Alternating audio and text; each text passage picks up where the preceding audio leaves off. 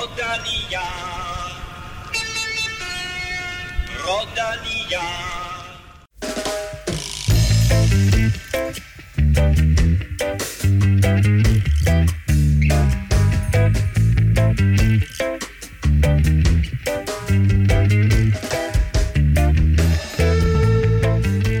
Der er vildt af Italien, men ikke i Europaland, så derfor har jeg inviteret et par velkendte navne i studiet for at tale Giro Start. Velkommen til Velropa Podcast. Mit navn er Claus Elming, og jeg har besøg af vores faste kontinentalrytter, Stefan Johus.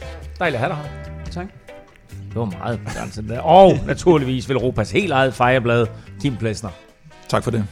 Øh, Hvad øh, synes I to om øh, den sådan første halvanden uge her, Giroen? Jeg synes, den har været fantastisk. Det er jo dejligt at se et, en Grand Tour, hvor man allerede i den første uge får et, et ret stort fingerpeg om, hvad det er, der kommer til at ske, og ikke bare øh, 10 flade etapper. Jeg synes også, man begynder at se ligesom den øh, næste generation, og man ser ligesom, øh, hvordan Froome han, øh, han begynder at vise, vise vadestegn. Ja, det er vender vi tilbage til. Det er, det er lidt interessant, hvad der er sket med, med Chris Froome indtil videre. Også interessant lige, hvad der sker med, med din cykelfremtid, Stefan, fordi øh, du har talt med lidt læger. Altså, vi, har været, vi har været beriget af, at du har været skadet, øh, hvilket har betydet, at vi har haft dig med i podcasten næsten hver gang. Ja. Øh, og du er også med i dag, øh, men du har talt med lægerne.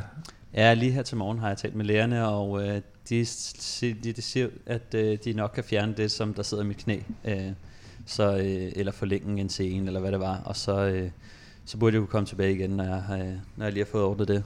Og, og det, det lyder som operationagtigt. Ja, det tror jeg også, det bliver. Ja. Og har de nogen tidshorisont? Nej, jeg, jeg ved det ikke helt endnu, men det er ikke det store indgreb, så jeg håber ikke, at det tager så lang tid og, bagefter. Så vi kan godt lægge beslag på dig til et par podcast yderligere. Er lige et par uger endnu, så, så tror jeg, det slutter. Husk, at du derude kan lytte til Level Europa podcast både med og uden Stefan Johus, og det kan du på iTunes, Soundcloud, Spotify eller på din foretrukne, foretrukne podcast-app til Android. Husk, at du kan følge os på Twitter, det sker på Snabelag Velropa, og på facebook.com Velropa. Og så vil vi jo altså super, super gerne have, at du lige fortæller dine venner og familie og andet netværk om Velropa podcast, så vi kan komme ud til endnu flere cykelinteresserede danskere.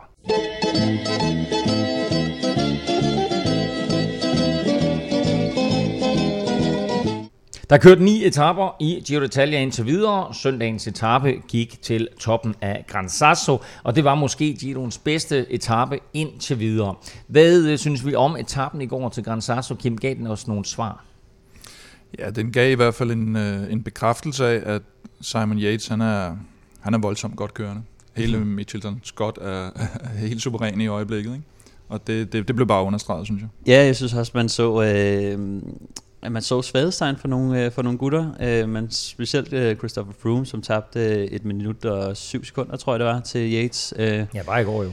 Ja, præcis. Så nu er han jo to og et halvt minut efter og begynder at se rigtig svært ud. Og jeg hørte også, at han selv sagde, at han måske skulle til at reevaluere sine, uh, sine forventninger. Øh, Så. Har, har han sagt det efterfølgende? Ja, det har han sagt. Så Okay. jeg, det tror jeg ikke, han øh, går efter sejren længere. Nej, nej, meget, meget interessant, hvad der er sket der. Øh, Astana så jo vanvittigt stærke ud øh, i hele opkørslen op ad Gran Sasso. Øh, og så er det ligesom om, at øh, de faldt lidt fra hinanden til sidst, og fik ikke helt det ud af det, som de havde håbet på. Jamen, vi sad faktisk nogle stykker hernede på, på Velropa Caféen i går og talte netop om det, at, at nu, nu satte Astana det hele frem, og så sad vi bare og vent, når de kommer halvvejs op ad bjerget eller, eller ind i finalen, så, så bliver det Mitchelson Scott, der overtager, og så sidder de med måske 4-5 mand, hvor Astana ikke rigtig har nogen tilbage, og det, det var egentlig også det, der kom til at ske, og, og det har jo egentlig bare været symbolsk for, for, for den her Giro, synes jeg. Og altså øh, Superman Lopez, som vi havde så store forventninger til, har jo sat sig selv i en lidt svær situation ved, at han har, har mistet tid på de første, øh, i gods øjne, øh, nemme etaper blandt andet, jo, fordi han ikke helt øh, har holdt sig på vejen, øh, men de skulle ud og kigge på et par italienske marker. Øh, er, er hans løb kørt nu? Øh, han var jo på, øh, trods alt en af store favoritterne. Ja, jeg tror, altså, jeg havde lidt øh, regnet med, at han nok ville være den bedste opad, øh, og det var så der, han skulle øh, hente tiden, men øh, i og med, at han, han ikke er en af de stærkeste, så, øh, så får han det også svært. Han kommer nok til at miste noget tid på den næste enkeltstart, så, øh, så det begynder at se ret svært ud. Han skal i hvert fald øh, have et comeback i de, i de næste par, hvad er det, etap 14 og 15, der kommer bjerg igen, så, øh, så der skal han i hvert fald øh, til at steppe op, hvis han skal, skal nå at udfordre. Jeg, jeg, jeg tror simpelthen allerede nu, at her var min stemme blev rimelig teenage-agtig. Ja. At, Men, også, øh, men også lidt ro og lækker. Også lidt uh, Miguel Angel Lopez-agtig. Øhm, jeg tror faktisk, øh, måske allerede de begynder at tænke på at sadle om på, på Astana, fordi etappen til Gran Sasso lå præcis til en type som ham, og, og det mislykkedes. Og øh, nu er han så langt bagefter, at, at det skulle ikke undre mig, om de, de begynder at gå efter bjergetappe sejre til ham. Øh, og han måske endda i virkeligheden vil smide noget tid med William, hvis, vi, hvis han kommer helt ud af klassementet. Ja, det er også, øh, Pello Bilbao er jo øh, længere frem, end han selv er, så, øh, så det er også lidt atypisk måske, at øh, det kan være, at han får en, en friere rolle nu, og måske gå efter en, en top 10 eller en, en top 5, eller, eller hvad det kan blive til. Er det Pelle, er det Palles bror? Det, det er det er Pelle, Pelle Bilbao. en af de ting, som, øh, som er kommet frem her i, i, øh, i de første ni etaper, det er, som du siger, Kim Miston Scott har vist sig super stærke. Simon Yates fører lige nu. Kan han vinde hele beduljen? Ja, det tror jeg godt. Jeg tror, det lige nu, så, der, der står det simpelthen mellem ham og Tom Dumoulin. Ikke? Øh, og jeg, han kommer til at tage mere tid, og det er jo så bare spørgsmålet, hvor meget, og i forhold til enkeltstarten og alt det der. Men øh, han ser enormt stærk ud og kører med et helt vanvittigt overskud i forhold til, hvad det er for nogle konkurrenter, han er op imod. Fordi selvfølgelig har han, har han set godt ud på nogle andre tidspunkter, men ikke i det selskab der. Da vi havde vores uh, Giro-optakt, uh, der nævnte vi blandt andet Dumoulin og Froome som favoritter. Jeg kan huske, hvem tog du som, som vinder af løbet? Jeg tog Froome. Du tog Froome og... Du tog, tog Lopez, tror jeg. tog Lopez, du, ja. Præcis. Og jeg sagde, jeg sagde Porto Vivo. um, så, så altså umiddelbart ser det ud til, at, at jeg i hvert fald har lige nu de, pt. de bedste chancer øh, for at vinde det her. Øh, men Simon Yates fører, og det er klart, som du også siger, Kim, Dumoulin lige nu er øh, den, der presser sig mest på for at, at, at overtage førertrøjen. 16 etape, altså umiddelbart efter de her to bjergetarter, som du talte om, øh, Stefan, der kommer der den her øh, enkeltstart på 34,2 km, øh, som er forholdsvis flad, ligger til Dumoulin. Hvor meget skal han, eller hvor meget skal Simon Yates, eller andre for den sags skyld, være foran med, for at de ikke bliver overhældet der af Dumoulin? Altså under normale omstændigheder, så skulle han være virkelig, virkelig langt foran. Så vil han måske smide, hvad, tre minutter eller sådan noget, vil jeg tro. Ikke? Men hvis man ser på, hvordan Simon Yates kørte den indledende enkeltstart, og hvis man ser på os normalt, når du kommer langt hen i en, i en Grand Tour, så er det ikke 100% tempoegenskaberne, men så er det også formen og hvordan, slitagen og hvordan du er kommet igennem, der har betydning. Og der må man formode, at, at hvis, hvis Yates fortsætter med at køre med det her overskud, så er han jo en af dem, der er kommet lettest igennem øh, Giroen. Og så også u- altså, ubesværet ud i Fuldstændig ubesværet. Og så, så tror jeg måske, man er nede på... Et minut. Godt et minut eller sådan noget? Jamen, ja. jeg vil også sige et minut måske. Jamen, jeg tror, altså... En ting er, at han jo er i altså, det bedste form, han nogensinde har været, højst sandsynligt. Og øh, han arbejder på sin enkeltstart, og øh, det tror jeg kommer til at, at blive til hans fordel. Jeg tror heller ikke, han kommer til at smide mere et minut. Øhm, og jeg tror også, han kommer til at hente lidt mere tid på, øh, på Tom Dumoulin, for indtil videre har man ikke rigtig set ham sådan åbne op langt udefra. Mm. Der har han spillet den safe, og øh, kun lige åbnet op de sidste kilometer, og, og kun har kunne hente en lille smule på de andre. Men øh, jeg tror, at han skal også, han ved nok også selv, at han skal ud og, og angribe på, på de næste på bjerge, hvis han skal... Men jeg, jeg tror, at den ligger til ham. Øh. Men altså, hvis vi vender den om, så må vi også bare rose Tom Dumoulin for at minimere sit tidstab hele tiden. Ja, jamen, det er den måde, han kører på, og det kører, han kører det jo også helt suverænt. Altså, han, er jo, han kunne nemt have været gået i panik indtil flere gange allerede i, i, i den her Giro. Ikke?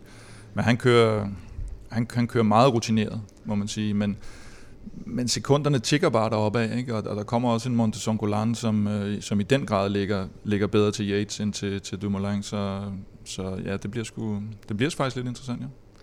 Ja, også, altså, han kører jo lidt på den måde, som man så Froome plejer at køre. Fordi Froome han plejede at være op mod de her rene bjergryttere i, øh, i Contador og Quintana og sådan nogle. Øh, og vidste jo godt, at han kunne tage en masse tid på enkeltstarterne. Og nu hvor han er op mod en type som Dumoulin, som er verdensmester i, i enkeltstart, og kan køre opad, så kan han ikke køre den samme taktik. Og, øh, så øh, så det, det bliver lidt sjovt at se, hvordan, øh, hvordan han lige pludselig øh, har tænkt sig at gribe det her løb an. Ja, ikke nok med det, så er Dumoulin også kaptajn på mit øh, Gio-manager-hold. Nå, ja. så, øh, uh, uh. Men det vender vi desværre, må jeg hellere sige, tilbage til øh, lidt senere. Lad os lige få fat i Froome, fordi mm. der er ingen tvivl om, at... Øh, han, han har skuffet, han er i krise, han har angiveligt fået et sted mellem 1 og 2 millioner euro for at stille op. Giro Øh, arrangørerne vil super gerne have, at øh, der kommer flere og flere af de her toprytter. Nu har de så endelig fået Froome, de er jo nødt til at betale ham et dyre domme, for han stiller op. Øh, de må være enormt skuffet, ligesom han selv er vel. Jamen, jeg kan huske, at uh, Stefan, du skrev til mig, da han styrtede under opvarmningen i prologen, ja. at uh, han kommer ikke til Rom.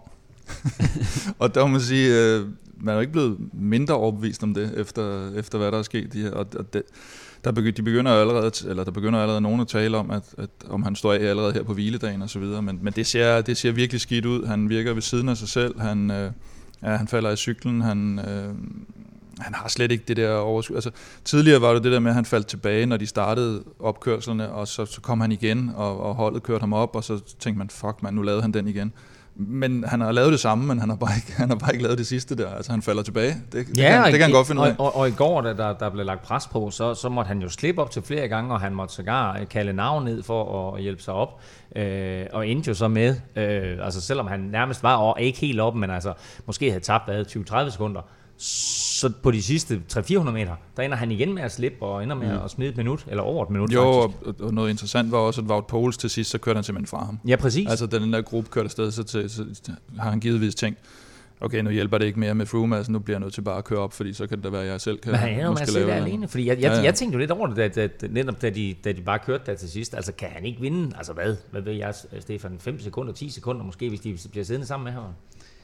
Jo, altså, øhm, det er altid det der med, skal man skal, øh, hvor meget tror de på ham, men nu hvor han har vist sig at være lidt svingende i flere gange i streg, så tror jeg, at de begynder lidt at tænke øh, på noget andet. Altså, øh, normalt så ser man jo, hvis han falder tilbage, øh, så tror man lige pludselig, at han er i krise, og så lige pludselig så angriber han ikke, øh, eller kører op og, og viser sig stærk, men det er så udblevet øh, lige nu, og så øh, jeg tror også, at de selv er ved at miste lidt øh, troen på det. Øh, det Hvor er gjorde Wout Bradley. Wiggins, når man har brug for ham? Ja, Hvor vi, har fået, vi har fået ikke bare et, men to spørgsmål øh, på mailen øh, omkring Froome. Øh, og den første tror jeg, du er bedst i stand til at svare på, Stefan. Øh, Lars Højlund han spørger, med Christopher Froome i tydelig krise, hvordan bygger han så sit træningsprogram op for at komme i form til turen? Jamen, øh, jeg har jo lidt spået, at han ikke vinder en Grand Tour i år. Øhm, det kan jeg jo synes, jeg skrev til dig på et tidspunkt, Kim. Øhm, Jamen, det må jeg have fortrængt.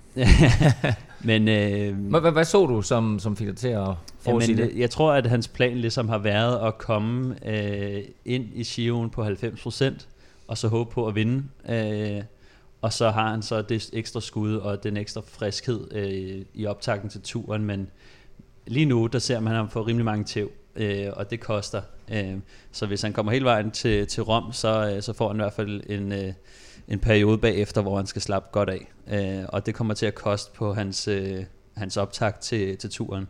Så, øh, så når man kommer lidt skidt ud af en, øh, en, en, en Grand Tour på den her måde, så, øh, så skal man have noget god hvile og, og komme ovenpå igen. Og når han så skal hvile, så kommer det til at koste på hans form jo. Øh, så, Men man hører jo også om rytter, øh, som ikke nødvendigvis går efter at vinde Giroen, men som er med i Giroen for at køre sig i form.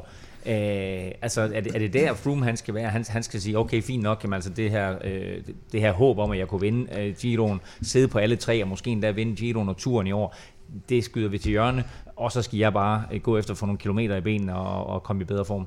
Ja, altså det der med at køre sig i form, det, det er sgu lidt svært. Altså det, man plejer ikke at tage en, en Giro som, som ren træning, øh, men jeg tror, at han regner med at komme lidt, lidt, øh, altså lidt dårligt ind i siven på, på en eller anden måde, hvor han ikke kører så stærkt, og så kører han sig i form undervejs. Og det kan man gøre, hvis man, hvis man øh, kommer ind på 90% og, og så ikke får så mange tæv, så kan man få den der chance for at, at få kørt sig i form. Men når han bliver kørt så hårdt lige nu, og, og slet ikke kan være med, så, øh, så, så tror jeg, at jeg tvivler på, at han kan, han kan komme sig og, og komme igen. Ja, så tror jeg egentlig også, man skal prøve at kigge frem på, hvis man kigger helt frem til Tour de France, så øh, den rute, der er lavet, øh, godt nok er der en holdtidskørsel, der er i Froomes fordel, så er der altså en brostensetappe, mm. hvor man jo med den måde, han kører på nu, bare kan frygte for, hvordan han vil nærmest slå sig selv til Sidst, sidst, sidst der var en brostensetappe, der udgik han på den. Ja, han nåede aldrig frem til brostenene. Han udgik Jo, i han udgik, han udgik på brostenene, fordi han, han styrtede igen på brostenene, og så udgik han på den etape. Nå, okay. Ja, det regnede vist også den Ja. ja. der, ikke? Nej, det er rimelig meget. Jeg stod, jeg stod i regnen. og, kunne Og så, så- og så kunne informere nogle englænder, der sad i et telt og ventede på, at Froome han kom forbi, at han var udgået. Ja. Så øh, der var de skuffet. Der havde de siddet i det der lille, sådan lille øh, iglo-telt. Der var, det, var, med- det, var, det var altså engelsk iglo-telt. Øh, de var meget skuffet, at han ikke kom forbi der. Men det er jo netop det, han styrter inden prologen. Ikke? Han styrter på træningen mm. øh, til det her løb. Øh, og vi har jo rost ham for at han er blevet bedre til at køre på cykler, og så laver han sådan en, en amatørfejl der. Han er Øh, blevet bedre nu- til at køre nedad, ikke? Men det er jo også det med, at der, så er der kun én enkelt start i turen, og hvis man ser på, hvor ikke dominerende. Han egentlig er blevet i bjergene i forhold til tidligere. Vi husker vel alle sammen, dengang han bare spurtede fra dem på Mont Ventoux. Han har slet ikke den dominans. Altså, det var den uden cykel, du mener. ikke den, men den første. Øh, den, øh, den, den øh, manglende dominans i bjergene gør jo, at han så må, må, må satse lidt mere på enkeltstart, og der er kun en enkelt øh, enkeltstart, hvilket også er et rigtig sjovt ordspil. Øh, så derfor tror jeg egentlig også, at han får, altså selvom han kommer i nogenlunde form til turen, så tror jeg egentlig også, at han får det svært der. Vi har, øh, vi har endnu et øh, spørgsmål, øh, som er kommet ind på mailen, øh, og det er fra øh, Jørgen Sass Husum, der skriver, Kære veleuropæere, kan I i jeres podcast kaste lidt lys over, hvad pokker Chris Rooms konstante hovedbevægelse går ud på? Jeg bliver jo vanvittig over at se på det. Jeg har observeret det gennem alle hans øh, GT'er og øh, andre løb, han har kørt. Hans hoved bukker ned hver cirka 5 sekund under hele løbet.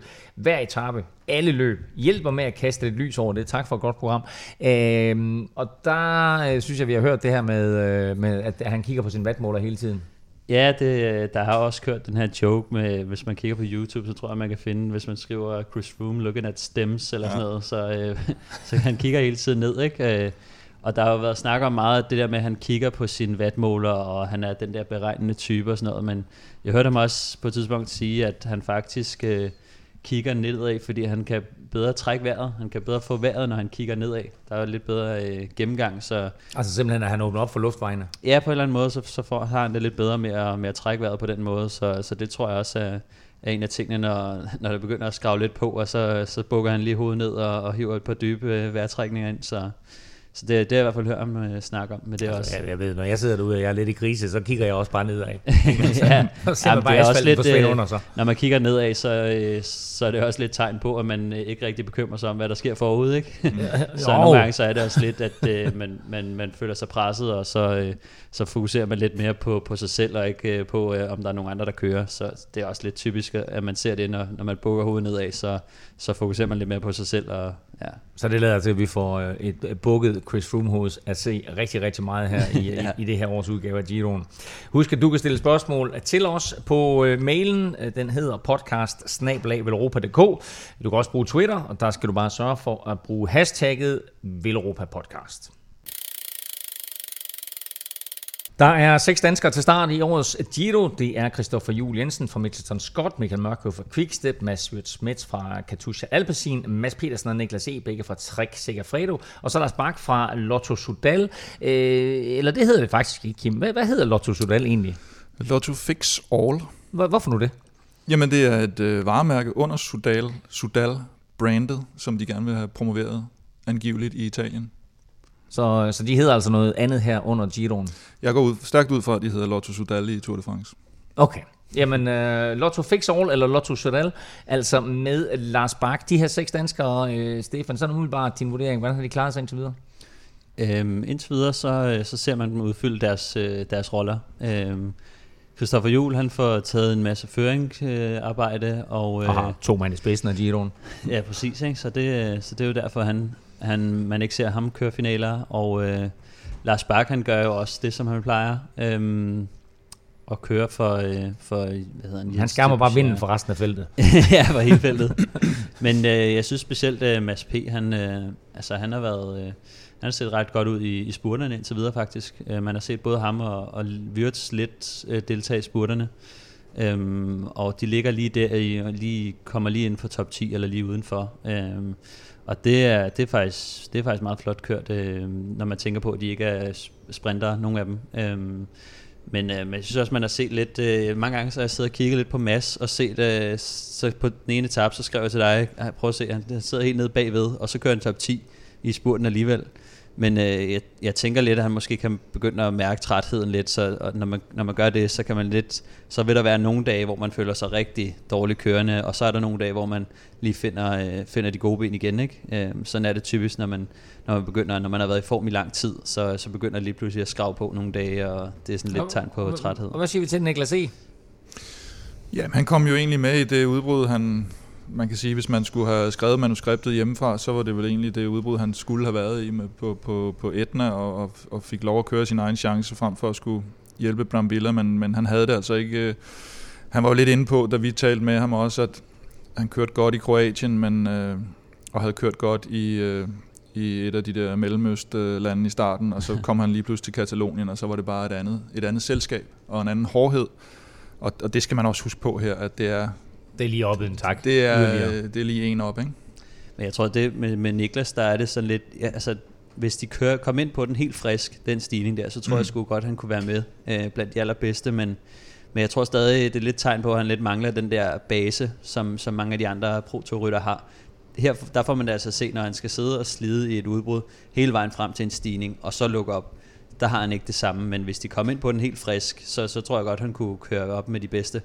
Øhm, men der, der tror jeg, man får lidt at se... Øh, at Niklas han lige mangler at få den der base og, og den der pro fart som eller World Tour fart, som, øh, som, man, som man plejer at snakke om. Og jeg hørte, jeg hørte flere hjælperytter i går øh, efter Cansasso-etappen øh, udtale, fordi det er sjældent noget, som, som de store kanoner de, de tør sige, men sagde faktisk, at trætheden allerede var begyndt at indfinde sig. Der var altså kørt ni etapper, der er stadigvæk, øh, var der tilbage 12 etapper, ikke?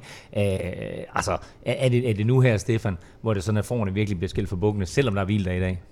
Jeg tror i hvert fald, man får at se øh, nogen, der, øh, der lige pludselig skal ud og, og sidde i udbrud, og så finder de ud af, at øh, benene skulle ikke lige er til det alligevel. Um, så vi også i går på, på Gran Sasso, ikke? Altså ni minutter havde udbruddet på et tidspunkt, og alligevel ja. så blev de hentet, og da de blev hentet, så stod de jo fuldstændig stille. Jo, og det er også det der med, at der bliver kørt hele tiden. I går øh, Astana kører fra bunden, og, og bunden i går var jo altså hvad, 48 km fra mål. mm. øh, og, og der bliver bare der bliver sat fuldstændig tempo på, ikke? Øh, og, og det samme på, på Etna, og, og det samme med udbryderne. De får ikke jo, de fik meget snor i går, men det er også fordi, det er en 50 km stigning, der kom til sidst. Der ved de, de kan hente så meget. Så der er ikke nogen udbrud, der bare har fået lov at sejle væk, og der har været sådan en piano-etappe, hvor de bare sidder og bader sig igennem. Men det er lidt det, vi også snakker om før med, med Sion, at de, de laver etapper, hvor der bliver kørt cykelløb.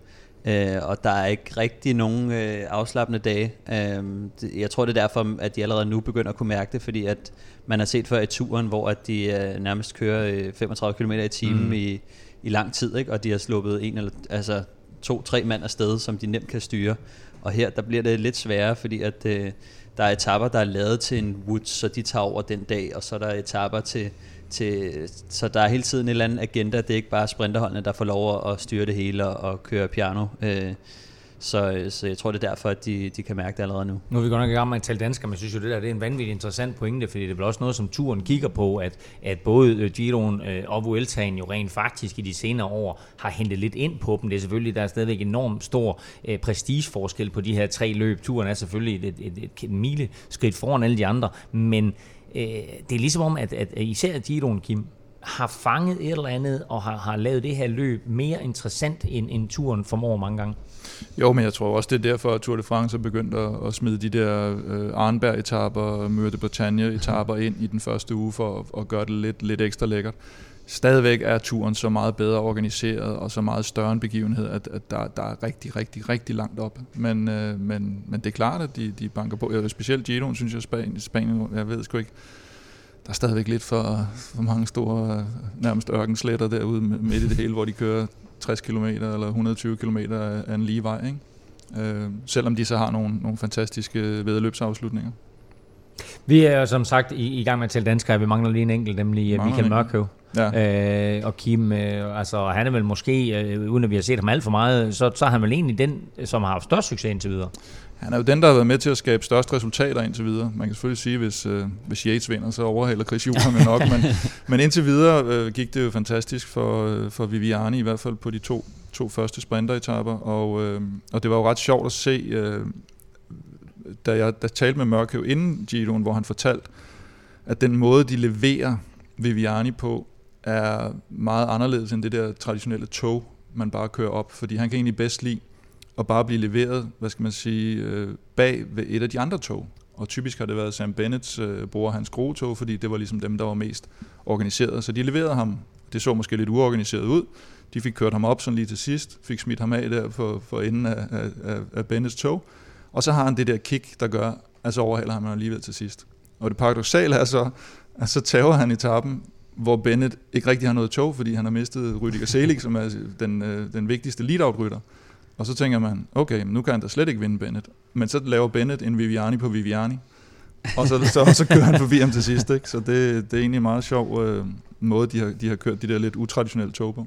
Men øh, forhåbningen var, at, at Viviane kunne vinde et par etapper, øh, inden vi gik i gang her. Det lykkedes ham jo altså på, øh, på de to første øh, efter prologen der. Øh, så en, en, en fornem indsats indtil videre, Michael Mørkøv. Ja, det synes jeg, man synes også, man kan se lidt, at øh, det ligner lidt, at øh, Mørke han er blevet sat som lead mand nu, i stedet for øh, Sabatini. Det så man i hvert fald på, på den sidste. Øh, og det viser lidt om, at øh, måske er Sabatini ved at være lidt, øh, måske ikke have den samme topfart, eller den samme leveringsevne som, som Michael. Og det, det tror jeg bare viser, at øh, de begynder at stole lidt mere på ham. Øh, Viviani har altid betroet sig til, til Sabatini, og, og og haft det samarbejde der. Øhm. Jo, men så kommer der sådan en dansker ind for højre, ikke, som jo bare har en masse kvalitet og en masse erfaring, og måske bare stille og roligt har levet op til alt det, som Quickstep havde håbet på. Jo, og så tror jeg også, at den, på den ene etape blev Sabatini simpelthen sat, han var slet ikke med i finalen, ja. og, og så har man også, det man har øh, kunnet se er også, men næsten når det er allermest hektisk, så sidder Mørke altså stadigvæk på radioen. Mm. Så sidder han sådan, altså det, det er helt fuld finale, og så sidder han lige og, og lige skal snakke lidt om, øh, nu gør vi sådan, nu gør vi sådan, og det, det er jo noget med at tage noget lederskab, og det, det, det bliver værdsat utrolig meget, tror jeg, i de situationer der. Han er sådan, øh, han er sådan cykelsportens øh, svar på ishockeyens Frederik Andersen i øjeblikket. Jeg hørte øh, hold, holdkammeraterne sige om målmand Frederik Andersen, der, at hvis han var mere rolig, så ville han falde i søvn. Er det, er det, er det sådan, er det sådan mørkøv, han er med din spurt? Hvis han slager mere af, så skider han i bukserne. Ja. Au, okay, ro på nu, det er en børneudsendelse der. Det, det, ved, det ved jeg ikke, om det er. det, det. Nå, prøv at høre, jeg har en, jeg har en lille quiz til oh, jer også. Og øh, vi sætter den i gang nu, fordi så kan I tænke over den øh, resten af udsendelsen her. Øh, og den er ret simpel. Der er nemlig øh, ni danskere, der har vundet etappesejre i Giroen. Men hvem har vundet flest? Det kan I så tænke ja, over. det tænker vi over. Så det var quizzen. Og øh, nu hopper vi direkte til at tale om noget, som jeg bestemt ikke... Øh, jo, jeg kan godt lide at tale om det. det. Det kan jeg faktisk godt. Jeg har bare ikke en stor succes med det, nemlig Giro-spillet. Fordi øh, vi kan roligt sige, at øh, jeg ligger ikke godt til. Jeg har glemt at skifte ud. Og, øh, du har ikke stadigvæk dit engelsk jeg, har, jeg har glemt at skifte ud. Så Nå. jeg har stadigvæk sat mit, øh, jeg kan lige så godt sige det som det er, det er et enkeltstart specialisthold, og øh, det er med Tom Dumoulin. Øh, og en masse andre, der er virkelig, virkelig gode til at køre enkeltstart. Mads Petersen også på holdet. Så øh, man skulle jo tro, at jeg lå absolut sidst, men jeg ligger faktisk kun femte sidst. men jeg du, ligger kun femte sidst men i du må, du må have sparet utrolig mange transferomkostninger. Ja, det har jeg. Jeg har ingen transferomkostninger ja. overhovedet. men lad os lige høre, fordi uh, man kan jo spille med uh, i Velropa. Uh, hvad hedder det? Det hedder... Velropa Giro. Velropa Giro. Og der er altså et par hardcore spillere med der, Kim. Ja, de ligger, de første i vores pulje ligger 2, 3 og 5, tror jeg. De lå 2, 3 altså og 4 overall. inde i overall, ja. Så vi kan i hvert fald, når nu vi selv er, det er også gået lidt ned ad bakke for mig, så vi kan i hvert fald uh, hæppe på dem jo, i den samlede stilling, kan man sige. Så, men lad os lige høre, der er, der er omkring 6-7.000 spillere med inde på holdet.dk på Giro-spillet, uh, og du ligger nu, Kim, nummer... Ja, men det er helt galt. Jeg ligger 400 et eller andet, tror jeg, efterhånden. Og Stefan? Nummer 600 og noget. Okay, øh. ah, men jeg kan mærke, der, der, bliver, der bliver kamp til det sidste mellem jer to. Uh, jeg ser frem til 16. etape, hvor der er enkelt start. uh, hvis, du, uh, hvis du allerede har et hold på Giro-spillet, så kan du stadigvæk nå at tilmelde dig ved Europas pulje. Uh, du skal bare bruge uh, kodeord, der hedder Kim. Vejkaptajn. Vejkaptajn, og så dyster du direkte mod Velropa-redaktionen og alle de her andre rigtig, rigtig dygtige uh, spillere, som altså er med i Giro-spillet. Foråret har langt om længe ramt Danmark, og det er nu, du skal støve raceren af, smøre gearne og klikke i pedalerne. Og mangler du nogen at køre de nordsjællandske veje tynde med? Ja, så har Villeuropa selvfølgelig også tænkt på det. To gange om ugen ruller en flok glade Villeuropæere afsted fra Villeuropa Café på Bispingen 1 på Frederiksberg. Det er fuldstændig gratis at deltage. Du skal bare møde op og være klar til at cykle onsdag kl. 17.30 og søndag kl. 9.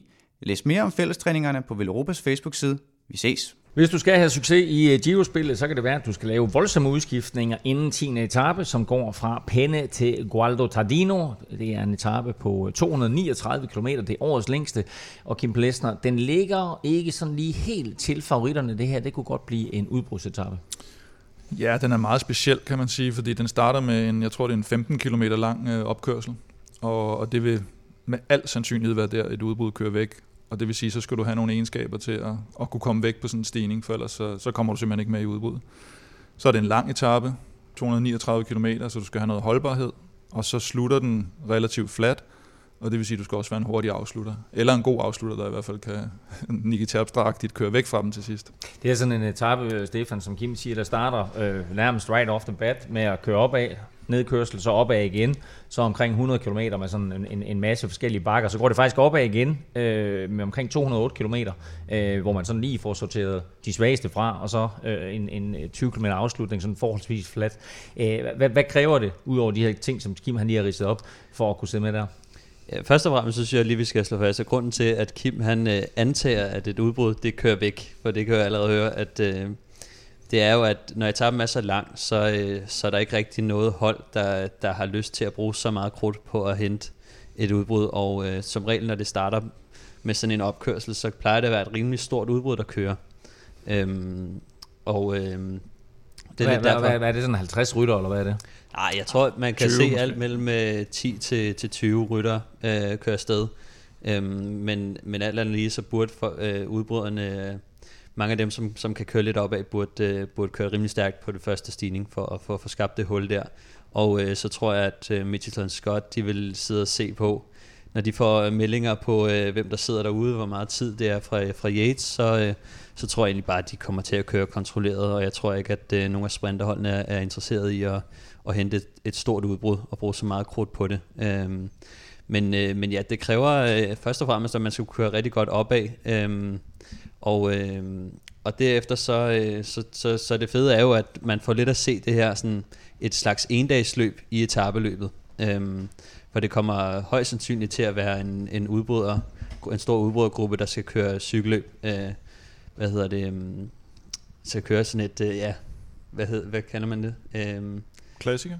Ja, sådan lidt klassiker løb, ikke? med, klassiker. med sådan en, en måske en 15-mands, 20-mands gruppe, som, som ligger og kører, øh, og så, så bliver åbnet op øh, lidt tidligt udefra, og, og der er det, at man skal være, øh, både have et, et stort overskud og øh, øh, rigtig god øh, næse for cykelløb, øh, fordi at øh, hvis man sidder med stoler for meget på sin spurt, så, så er der nogen, der stikker, og så, øh, så det, jeg tror, det bliver et rigtig sjovt cykelløb. Øh.